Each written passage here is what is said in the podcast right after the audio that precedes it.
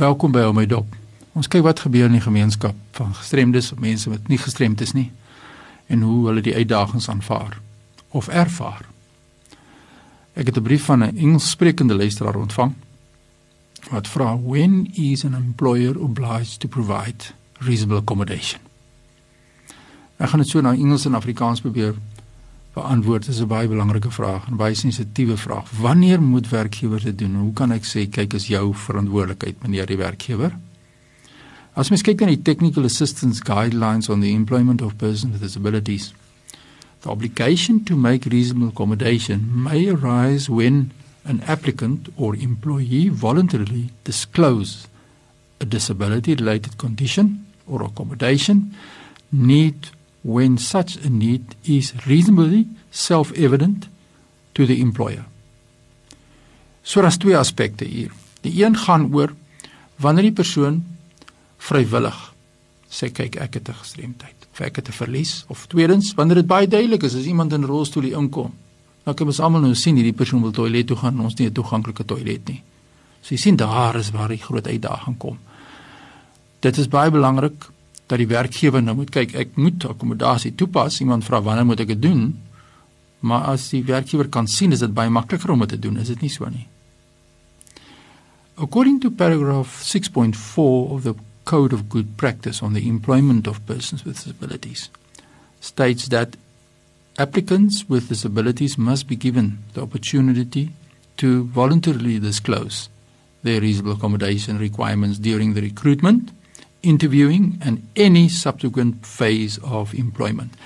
So met ander woorde, jy het die reg om deurlopend deur die hele prosesse van indiensneming van keuring tot by die einde van die tyd jou gestremdheid te kan bekend maak.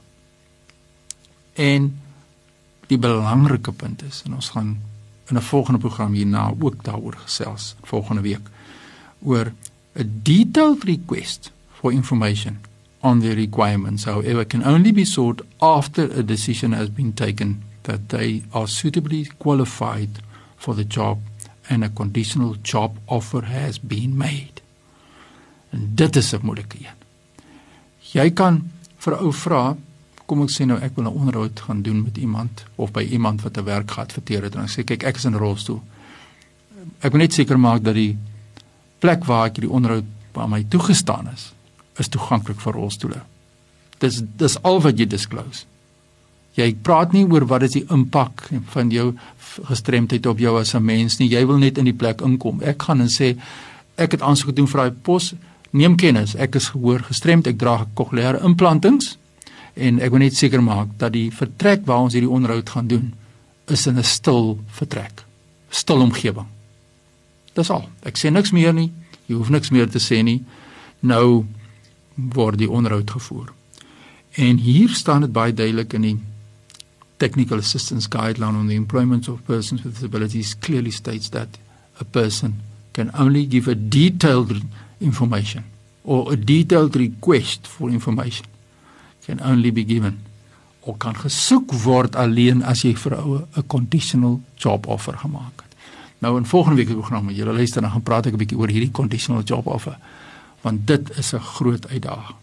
So die vraag is hierdie week is when is the employer obliged to provide reasonable accommodation? A employer is supposed to give reasonable accommodation adjustments when it's obvious, wanneer dit duidelik is dat daar 'n gestremdheid is of wanneer die persoon dan dit bekend maak op 'n vrywillige basis. Dit is wat die die verband tussen wat is die werkgewer se verantwoordelikheid en wat is jou verantwoordelikheid. Nou in volgende week se program gaan ek 'n bietjie praat oor as ons dan nou ook 'n conditional job offer gemaak het. Wat gebeur dan? Dit is nou nie net 'n gesprekkie om te gesê goed jy's nou die regte persoon vir die job nie, maar nou moet ons 'n conditional job offer maak. Kom ons praat volgende week daaroor. Dien jy nou worstel en 'n werkgewer is miskien negatief oor die akkommodasies wat jy nodig het, stuur vir my e-pos. Ons kan regkundiges inkry en ons kan luister wat hulle sê oor wat jou uitdaging is. So stuur sommer nou 'n e-pos aan my by fani.dt by mweb.co.za dan praat ons oor wat jou uitdagings is. Groetnis tot 'n volgende keer.